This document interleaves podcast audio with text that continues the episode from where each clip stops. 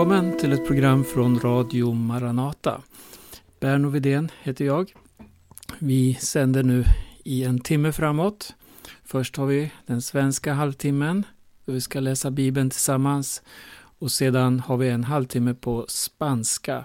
Och då ska vi lyssna till Sean Orenia. Så om du har det spanska språket har du alltså en hel timme framför dig då du kan lyssna och uppbyggas av Guds ord. Vi lever i en tid idag när människor engagerar sig i många olika saker. Och det som har dominerat de två senaste åren, det är ju pandemin, dess följdverkningar, vaccinationsprogrammen och alla de åtgärder som har vidtagits runt om över vår jord där regeringar har handlat på olika sätt. Men det vanligaste man har talat om det är restriktioner och det är vaccinationer. Det här engagerar många, för eller mot. Eh, troende delar sig lätt i två läger. Det är en, en vad ska man säga, en, en ovanlig tydlighet. Antingen är man för vaccin eller också är man mot det. Det är svårt att hitta det här medelmåttiga som annars är så vanligt i religiösa sammanhang.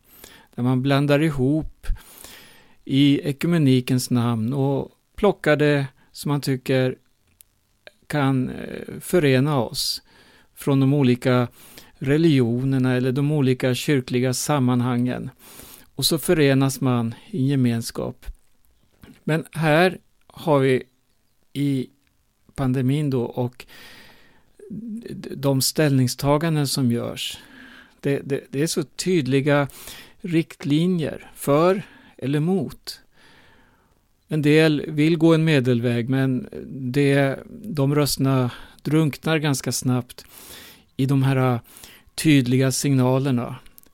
De som är emot går ofta ut och varnar för att det här är en agenda som har med tidstecknen att göra.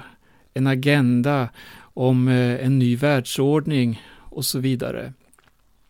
Andra ser mera samhällets insatser som ärliga försök att hejda den pandemi som då har drabbat hela vår jord och land efter land. Och vi har också sett hur eh, många har blivit svårt sjuka av den här pandemin och många har mist sina liv.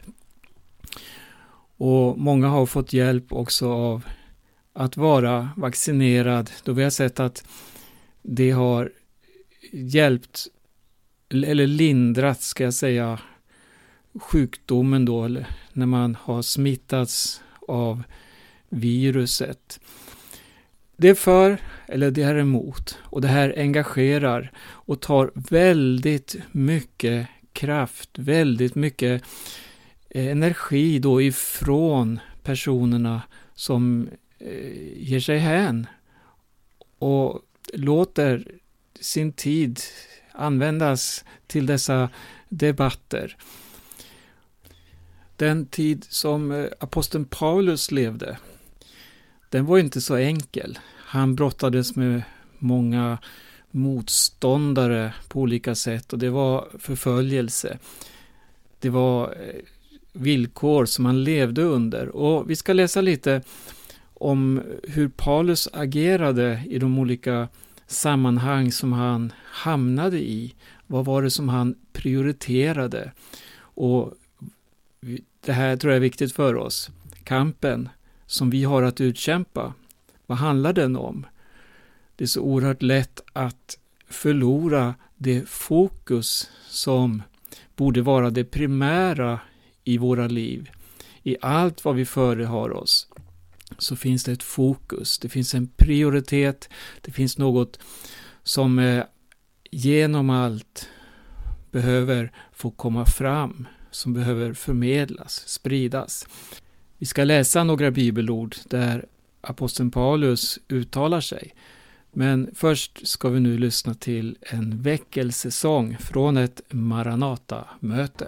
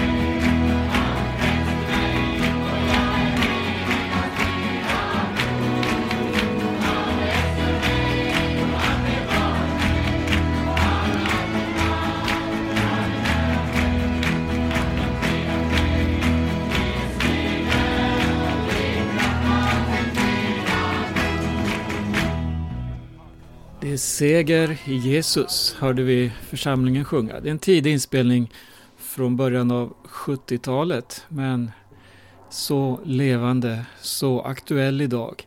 Seger i Jesus. Det här var något Paulus fick erfara många gånger. Han befann sig i faror, han befann sig på resor under förföljelse, han blev slagen, han levde stundom i överflöd. Han hungrade. Och på många sätt uttrycker Paulus alla fasor han fick möta här i livet. Men i allt så hade han ett fokus. Det var att förkunna Kristus. Att framför allt, vad som än händer, vilka omständigheter han än lever under, så var fokuset förkunna Kristus. För att Jesus är nämligen det enda hopp som finns för denna mänsklighet. Jesus är den enda vägen som bär när allting annat rasar. Då står den kvar. Jesus är vägen, han är sanningen, han är livet, kan vi läsa att Jesus själv sa. Jag tänker då Paulus när han står inför rätta. Han eh, begav sig till Jerusalem. Han visste att det som väntade honom, det var förföljelse. Men han var fast förvissad också om att han skulle dit.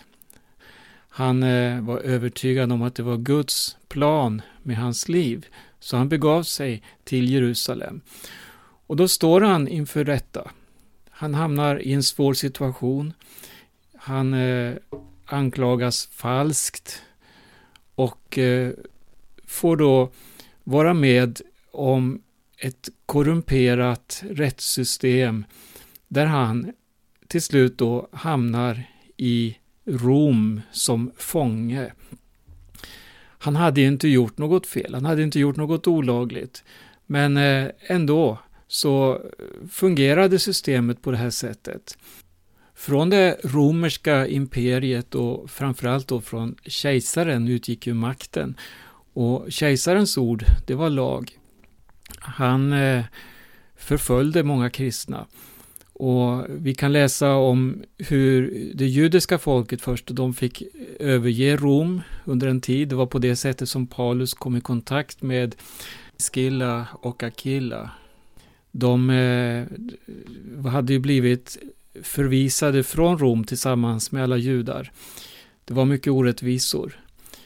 Och Paulus själv då, han blev så småningom avrättad i Rom av en ogudaktig kejsare, kejsar Nero.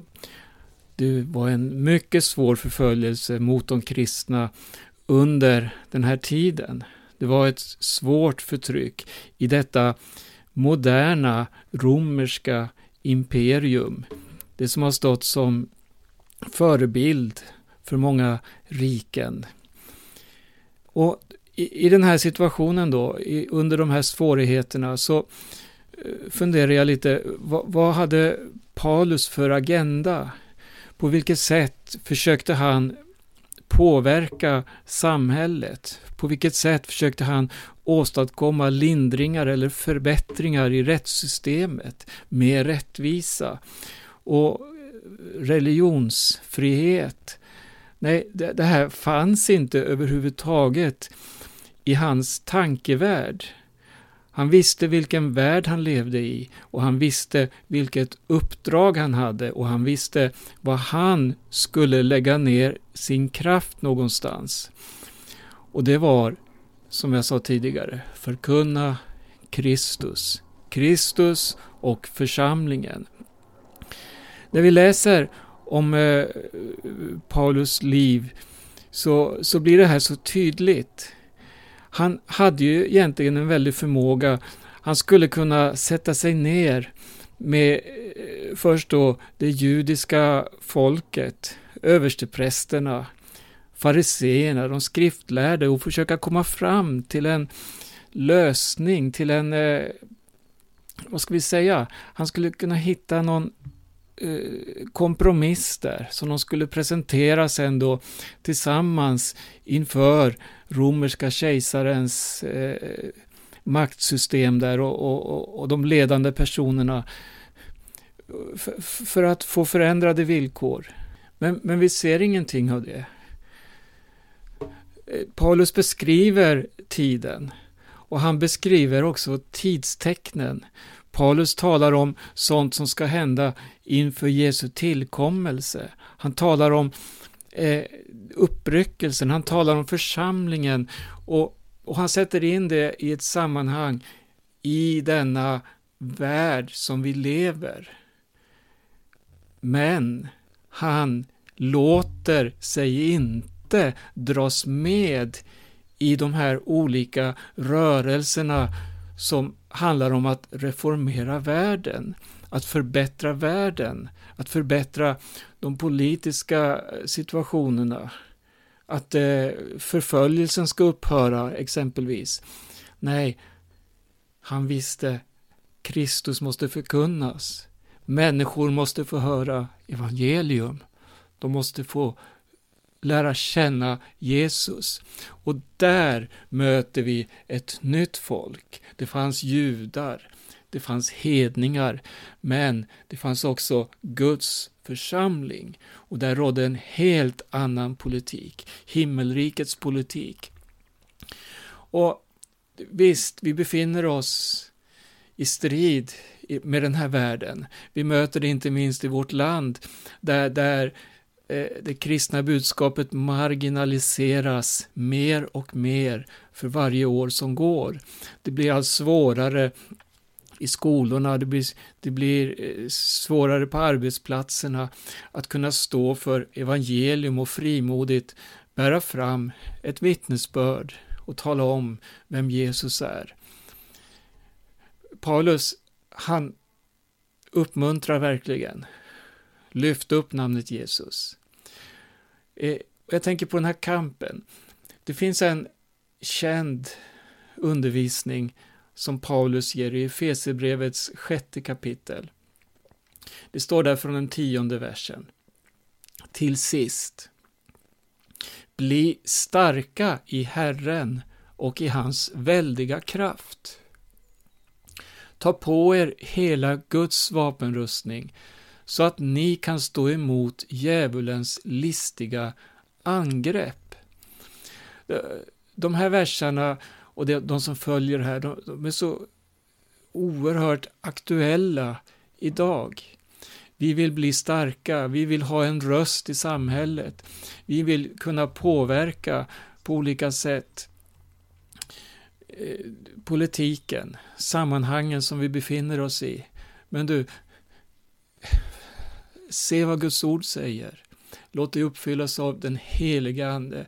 Eller som Apostlagärningarna säger, Jesu sista ord innan han återvänder till Fadern. När den helige Ande kommer över er, då ska ni få kraft att bli mina vittnen.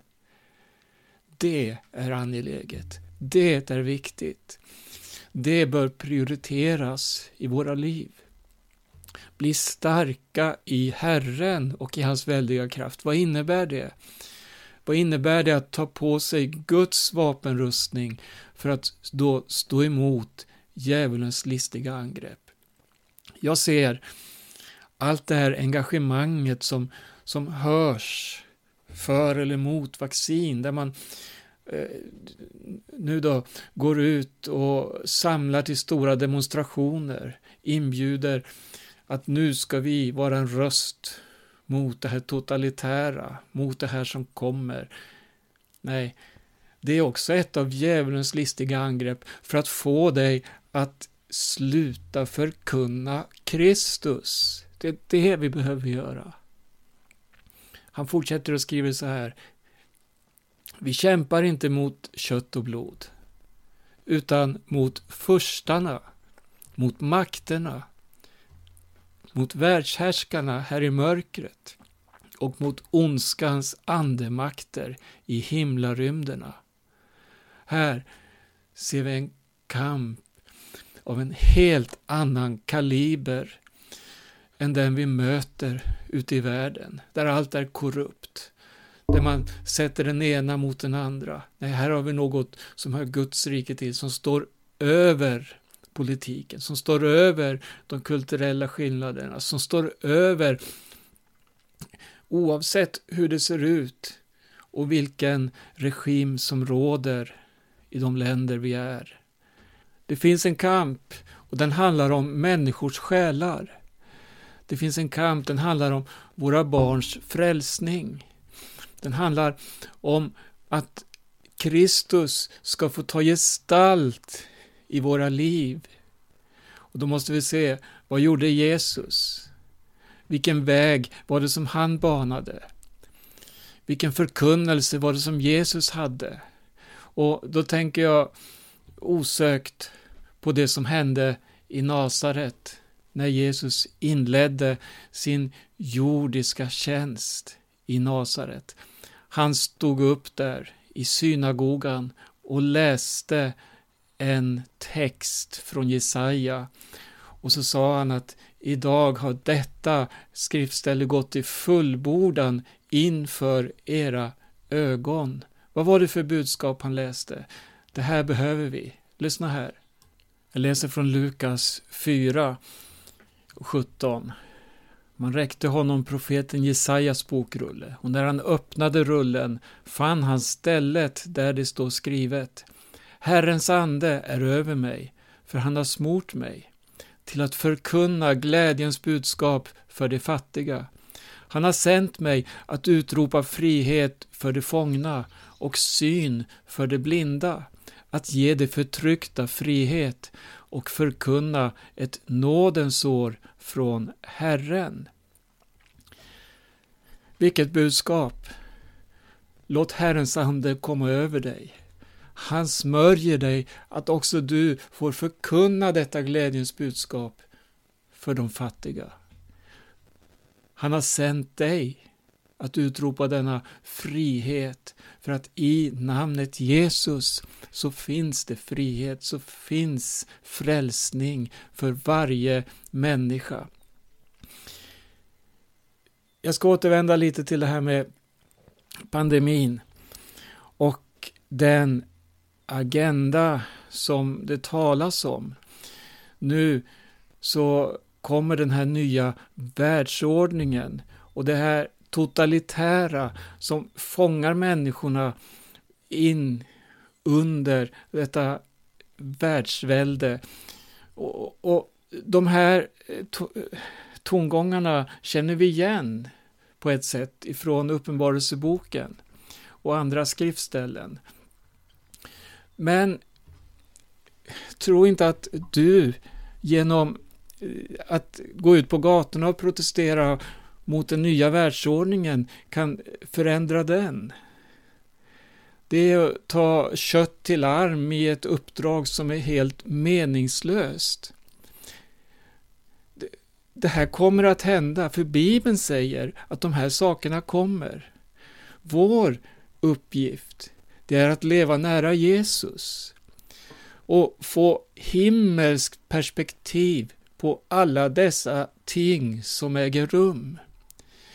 Vi kan se, vi kan eh, avslöja, vi, vi kan eh, på, på många sätt få vara en profetisk röst i tiden. Men det handlar inte om att förändra tiden, förändra det som sker, utan det handlar om att rycka människor loss för att allt detta som Bibeln varnar för kommer att gå i uppfyllelse. Men du, se till att få människor med dig på vägen som leder till himlen. Vi återvänder här till Efesierbrevet och fortsätter läsa. Kampen är alltså inte mot kött och blod, utan mot furstar, mot makter, mot världshärskare och så vidare. Och så vers 13. Ta därför på er hela Guds vapenrustning så att ni kan stå emot på den onda dagen och stå upprätt när ni fullgjort allt. Stå alltså fasta med sanningen som bälte runt höfterna och klädda i rättfärdighetens pansar. Bär som skor på era fötter den beredskap som fridens evangelium ger. Ta dessutom trons sköld. Med den kan ni släcka den ondes alla brinnande pilar. Ta emot frälsningens hjälm och Andens svärd som är Guds ord. Gör detta under ständig bön och åkallan och be alltid i Anden. Vilket program! Vilken undervisning! Det här behöver vi i dessa dagar bli fyllda av den heliga Ande. Du, vår uppgift är inte att predika för eller emot vaccinet eller för eller emot den världsordning som kommer att ta gestalt förr eller senare.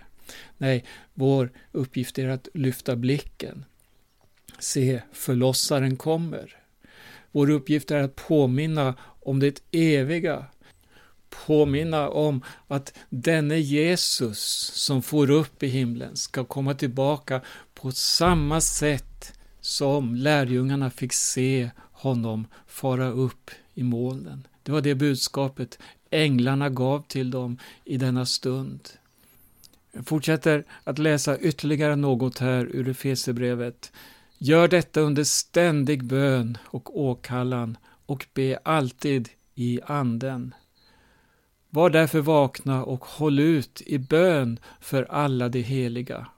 Be också för mig att ordet ges mig när jag öppnar min mun, så att jag frimodigt förkunnar evangeliets hemlighet, för vilket jag är en ambassadör i bojor.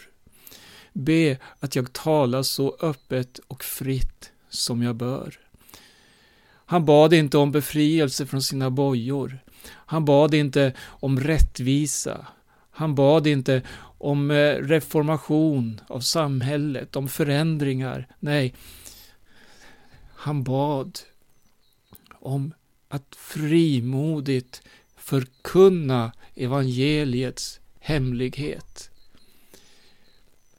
Finns det andra vägar till frälsning? Finns det andra vägar för att rädda människor? Nej.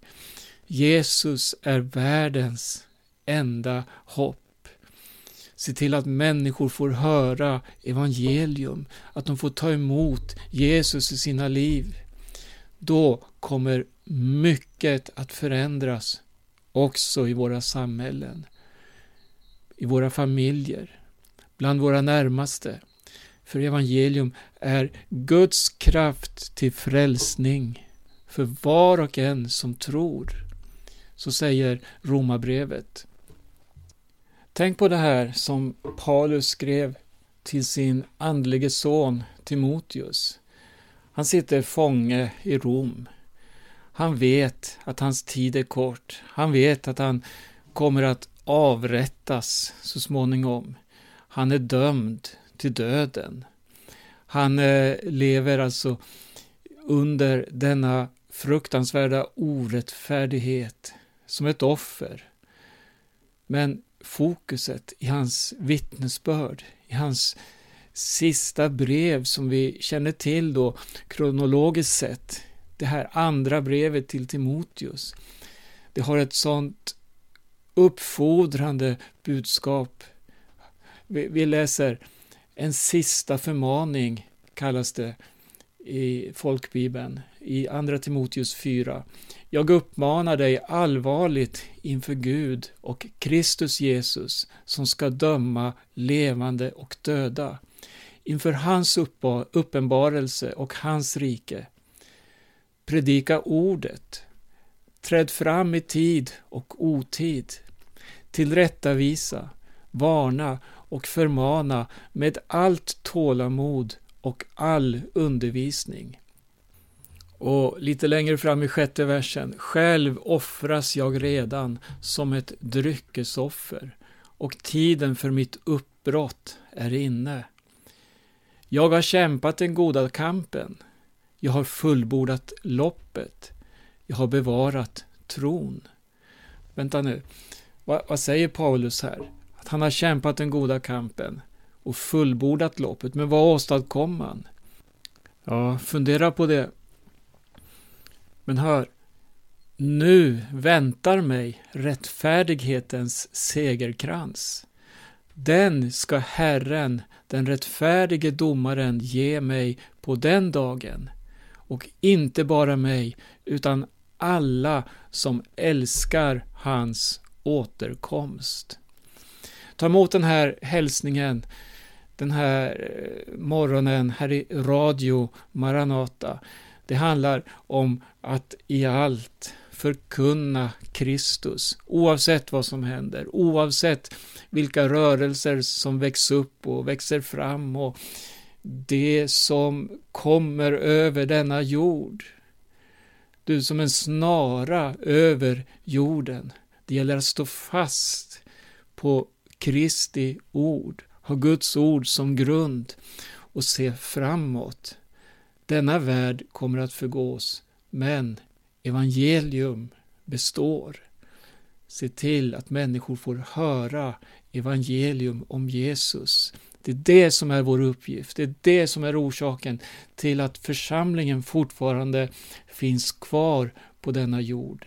Snart kommer Jesus igen. Amen.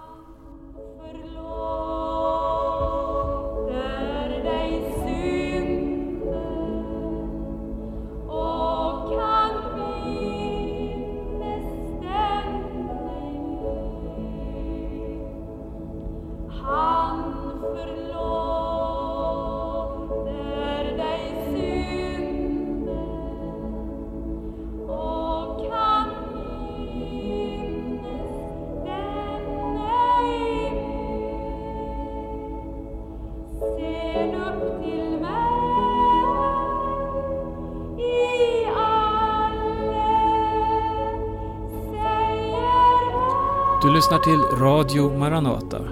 Jag som talar idag heter Berno Vidén. Varmt välkommen att besöka vår hemsida för mer information och för att också kunna lyssna till många inspelningar. maranata.se Gud välsigne var och en och på återhörande. Och glöm inte, du som talar spanska, nu följer en spansk halvtimme.